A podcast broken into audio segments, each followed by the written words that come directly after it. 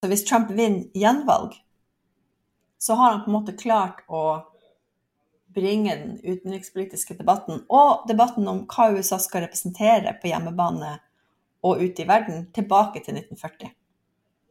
Og da er det ikke lenger klart hva USA skal stå for, og dermed er det jo ikke heller klart hvorfor andre skal assosiere seg med USA.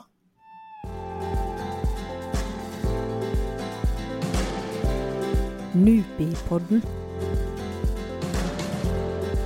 En podkast om utenrikspolitikk.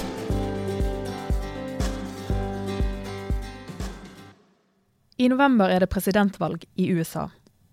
Frem til starten av 2020 så, så det ut til at Donald Trump igjen skulle ha en mulighet til å vinne valget, og dermed starte sin andre presidentperiode under slagordet 'Keep America Great'. Men så har det jo skjedd mye siden januar i år. Koronapandemien har slått hardt ut i USA, og de siste par ukene har det vært store demonstrasjoner mot politivold i hele landet. Hva blir konsekvensene av det som har skjedd de siste månedene for Donald Trump og et eventuelt gjenvalg? Og hva kommer USAs rolle til å være i tiden som kommer? Er det vi ser nå starten på slutten av det amerikanske selvbildet som 'leader of the free world'? Du hører på Nupipodden. Mitt navn er Marie Furhovden, og med meg så har jeg førsteamanuensis i internasjonale studier ved Bjørknes høgskole, Hilde Restad. Hei, Hilde. God dag. 2020 har så langt bydd på mye uroligheter på ulike plan for USA. Hvordan har på en måte de siste ukene vært for, for amerikanerne? De har jo vært på en måte veldig tragisk og veldig forvirrende og veldig skummelt. Eh, og det er jo en situasjon som forverres av å ha en leder som ikke leder. Eh, og som ikke forsøker å bringe amerikanerne sammen, som er en sånn veldig tradisjonell og man skulle tro relativt enkel oppgave en president har. Men eh, det klarer ikke Donald Trump. Um, det har han aldri klart. Samtidig så ser vi også at nå er vi jo eh, inne i en det er ikke bare en kort periode med protester. Vi er inne i en lengre periode med protester. Eh, mm. Og vi er inne i en periode med protester mot rasisme som har spredd seg ikke bare fra storby til storby, men også fra landsby til landsby og fra forsted til forsted. Så vi er nå, USA er nå egentlig inne i en historisk periode der man ser um, veldig brede protester med både hvite, svarte, andre minoritetsamerikanere som skjer i mange ulike steder i USA. Eh, som ikke nødvendigvis var tilfellet på 60-tallet, som gjerne er den sammenligninga man liker å dra. Mm. Så det gjør jo meg litt håpefull. At man har gått fra liksom raseri og forvirrelse og sinne til kanskje noe mer konstruktivt og mer inkluderende. Mm. Eh, fordi Du nevnte det jo litt eh, tilbake til 60-tallet, og, vi kan godt skru tiden litt tilbake um, og se på, på en måte den rollen som USA har hatt, eller det, måten de har sett på seg sjøl i hvert fall, i, i, i verdenssamfunnet. Um, og, og, frem til Trump ble valgt i 2016, så fremsto i hvert fall USA overfor resten av verden som noe annet enn i dag. Uh, og hvordan så dette ut?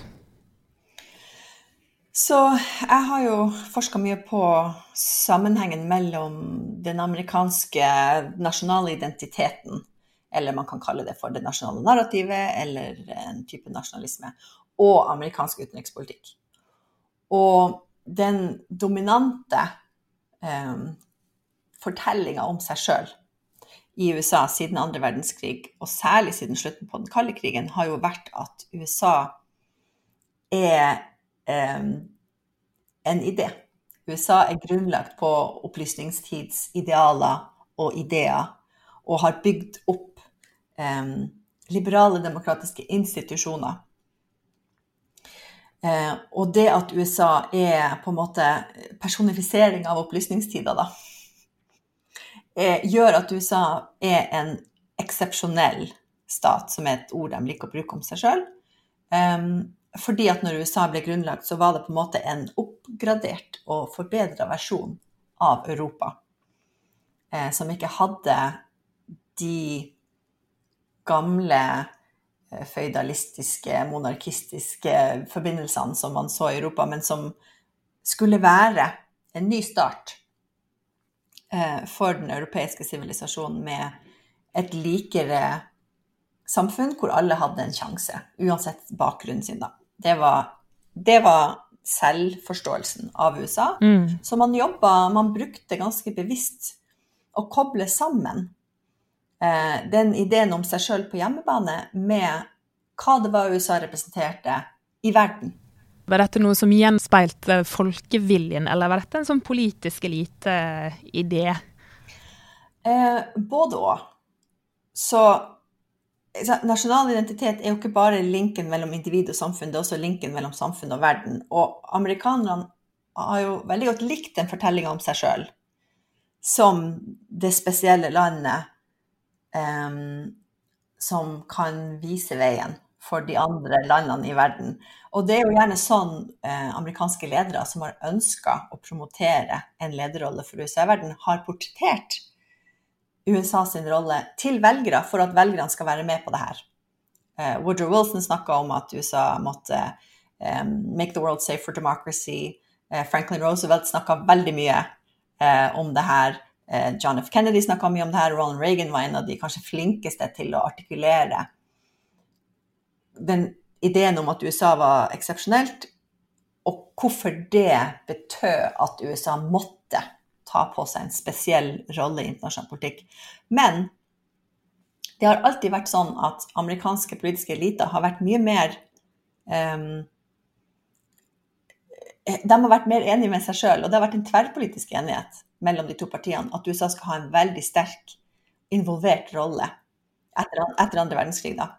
Eh, enn kanskje velgere, hvor kanskje velgere har vært litt mer opp og ned, avhengig av hva som har skjedd på hjemmebane og også utenrikspolitisk.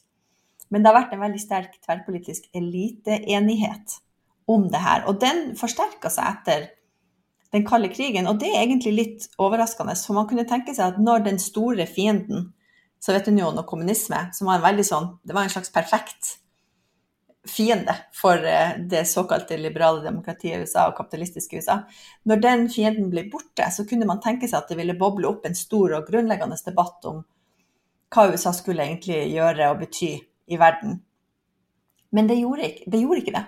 det bare forsterka seg, denne eliteenigheten mellom de neokonservative i det republikanske partiet og de liberale internasjonalistene i det demokratiske partiet.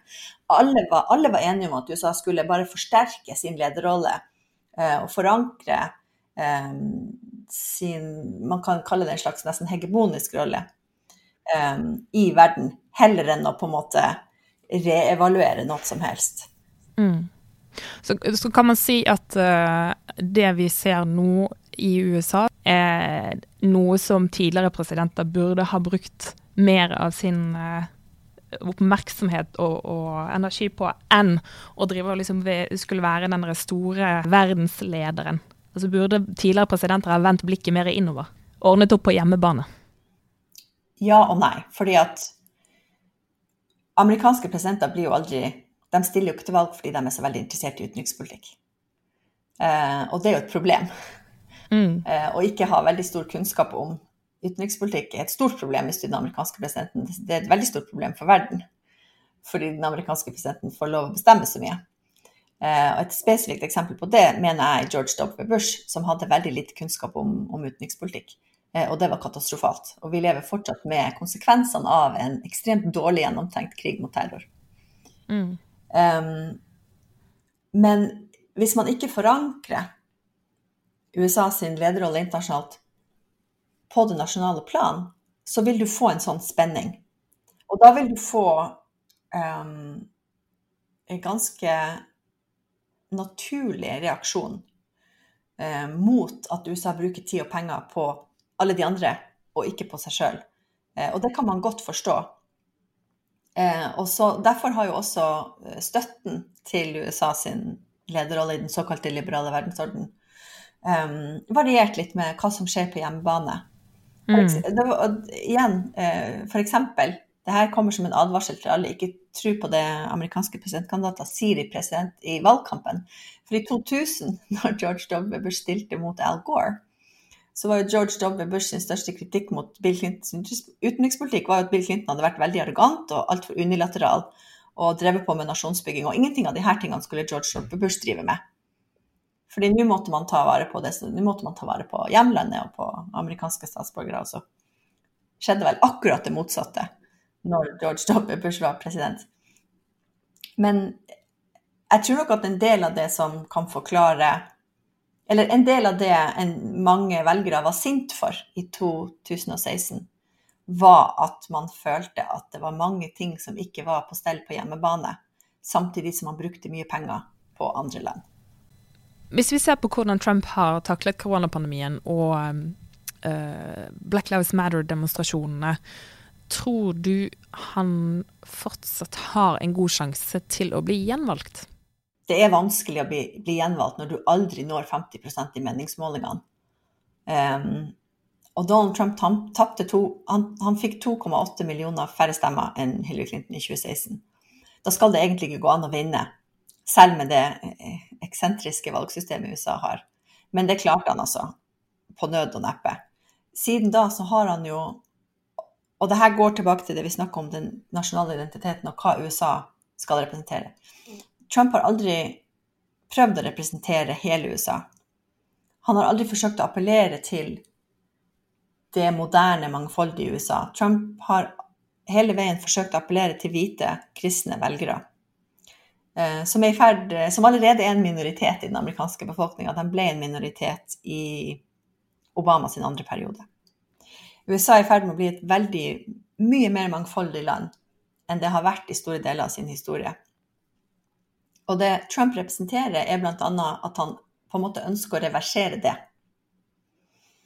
Um, og da er det jo ikke, tenker jeg, i et land som er økende grad mangfoldig, så er det jo ikke sannsynlig at du da skal klare å bli gjenvalgt når du ikke klarer å appellere til et flertall av velgerne. Men det var, det var alltid mulig, og det er fortsatt mulig, pga. valgsystemet. Mm. Det er jo selvfølgelig nå mindre sannsynlig at han blir gjenvalgt enn det var før, eh, pga. det som skjer nå. Eh, men samtidig så har vi også sett at i de siste fire årene så skjer det hele tida eh, ekstrem, ekstreme ting i USA. Eh, og det, vi husker vel knapt hva som skjedde før korona. Så om, om, fem måneder når det er valg, så er det jo Kanskje har vi glemt det her. Jeg håper ikke vi har glemt det her. Men eh, det er vanskelig å si hva velgerne tenker på i oktober og november. Er Joe Biden en populær presidentkandidat? Ja, det er han jo. Han gjør det jo ekstremt bra i meningsmålingene sammenlignet med Clinton på samme tid i 2016.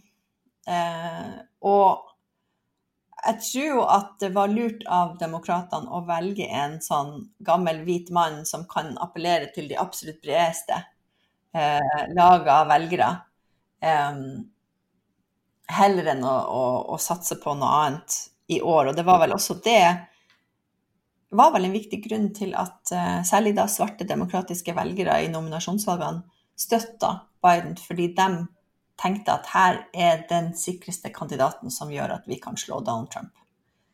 Um, så det er ikke nødvendigvis det at man er sånn superengasjert i han som person, men han gjør det veldig bra i meningsmålingen uh, akkurat nå, og det vindikerer jo litt av logikken med å velge han som sin kandidat.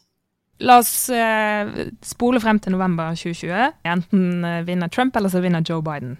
Om Trump vinner, og han skal få fire nye år som president, eh, hva vil det bety for USA? Eh, både innad, men også den rollen de har utad. Kommer vi, vi da som sitter utenfra og ser inn, kommer vi bare til å tenke at OK, vi gir opp i USA, og ser kanskje til andre nasjoner eh, som kan fylle den rollen som USA har hatt til nå? Jeg tenker jo at det eneste håpet, på en måte, for det USA vi ønsker å kjenne, er jo at Trump ikke blir gjenvalgt, og at man kan avskrive de fire siste årene som det siste raseriutbruddet til hvite amerikanere. Fordi det Vi skal være veldig klar over hva det er vi snakker om. Vi skal være veldig klar på og tydelige på hva det er Trump representerer. Um, dem som stemte på Trump i 2016, har statsviterne funnet den viktigste faktoren var det som kalles for white vulnerability, altså at man føler at hvite amerikanere er i ferd med å måtte tape overfor andre grupper i samfunnet. Og spesielt da en følelse som statsvitere kaller racial resentment. Um, som handler om at man føler at de andre amerikanerne som ikke er hvite, ikke jobber hardt nok, ikke fortjener det hvite amerikanere fortjener. Um, og det Trump representerte, det var innenrikspolitisk. Det Trump representerte og fortsatt representerer utenrikspolitisk, eh, er jo oppsummert i hans motto, utenrikspolitiske motto, som da er 'America First'. Og det er jo kommer fra 1940. Det kommer fra en lobbygruppe som ble starta i 1940 for å forhindre at USA skulle bli med i andre verdenskrig på de allierte sin side. Og den mest kjente talspersonen for America First var jo piloten Charles Lindberg, som argumenterte for at USA trengte ikke å blande seg inn i denne europeiske krigen, fordi at den hvite rase var jo ikke trua. Så det er America First sin historiske betydning. Så hvis Trump vinner gjenvalg, så har han på en måte klart å bringe den utenrikspolitiske debatten og debatten om hva USA skal representere på hjemmebane og ute i verden, tilbake til 1940. Og da er det ikke lenger klart hva USA skal stå for, og dermed er det jo ikke heller klart hvorfor andre skal assosiere seg med USA. Om eh, demokratenes kandidat eh, Joe Biden blir president, eh, kommer da noe til å endre seg? Har han egentlig så mye rom til å gjøre store endringer? Det som er så synd, er jo at Trump suger jo oksygen ut fra enhver debatt. Og egentlig er det jo en veldig interessant utenrikspolitisk debatt på gang i USA. Eh, også iblant denne eliten som eh, Obama-administrasjonen så eh, nedsettende eh, kalte for the blob. Fordi den alltid tenker likt og beveger seg litt. Men the blob er jo i ferd med å bli eh, mye mer interessant. Det er mye mer interessante debatter. Særlig da på venstresida. Eh, på gang, som åpner opp for en reevaluering av USA sin utenrikspolitiske storstrategi siden, siden slutt på den kalde krigen. Å reevaluere hva har vært lurt, hva har ikke vært lurt. Eh, noe som Obama forsøkte Han forsøkte seg litt på det. Fikk veldig veldig mye kritikk og pushback, særlig fra republikanerne. Men her er det mye spennende på gang, særlig blant kanskje de litt yngre i Eh, det demokratiske partiet. Men Biden er jo egentlig en representant for det litt, det litt eldre, den her tverrpolitiske enigheten om at USA må være overalt og eh, intervenere overalt hele tida. Alt det som, som, på en måte er litt under press nå, og som er under kritikk nå. Men Biden har jo sagt at han skal være en bro til neste generasjon. Mm. Det kan han jo bli eh, ganske bokstavelig dersom han, som er sannsynlig, hvis han, hvis han vinner valget, ikke sitter ut perioden. Eh, og da vil jo plutselig eh, den han velger som visepresident, være veldig, veldig viktig. Hvem det er, og hvor mye de kan om utenrikspolitikk, og hvor mye interesse de viser for utenrikspolitikk, og hvilken evne de har til å motstå the blob, eh, mm. og kanskje gjøre seg opp sine egne meninger, da. Disse uh, Black Lives Matter-demonstrasjonene, uh, er de et symptom på noe større? Definitivt um, Black Lives Matter er på en måte en proksikrig for kampen om USA sin sjel. Um, det vi ser, er egentlig en stor debatt ute i USA sine gater om USA skal være et liberalt demokrati der en mangfoldig befolkning er likestilt med hverandre som jo ville være forenlig med en idébasert nasjonalisme, eller om det skal være et etnisk segregert samfunn der hvite amerikanere alltid er mer likestilt enn alle andre. Som er mer forenlig med en type etnisk nasjonalisme. Og den debatten der, den kampen der, er viktig, den er grunnleggende, den er vanskelig, og den er helt uunnværlig for at det skal gå bra med USA, tenker jeg. Mm. Men vi har jo sett uh, denne typen demonstrasjoner flere ganger tidligere, og så har det på en måte uh, ebbet litt ut. Men denne gangen så kan det virke som det er litt skiller seg fra tidligere demonstrasjoner. Uh, hva tenker du om det? Det er det som gir meg litt håp akkurat nå. At vi ser demonstrasjoner i alle 50 delstater, ikke bare i storbyene, men i, i mange mindre byer og i forsteder, og at det er alle slags amerikanere, ikke bare svarte amerikanere, som går ut og demonstrerer. Fordi at, nettopp fordi at det handler egentlig om en sånn veiskille i, i, amerikansk historie. Det er på en måte enda en mulighet til å tvinge USA til å leve opp til de idealene man skrev ned på 1700-tallet. Um, ehm, hvis det her gjennomføres, hvis man holder ut og fortsette å kreve endringer på en fredelig måte, så kan det på en måte være USA sin fjerde grunnleggelse. Hvis den første grunnleggelsen var uavhengighetserklæringa og Grunnloven, og den andre grunnleggelsen var borgerkrigen, og den tredje grunnleggelsen var borgerrettighetsbevegelsen, så kan dette være den fjerde grunnleggelsen. Takk for at du ville eh, ta en prat, eh, Hilde, og takk til deg som hører på. Vi er snart tilbake med nye episoder av Nupipodden.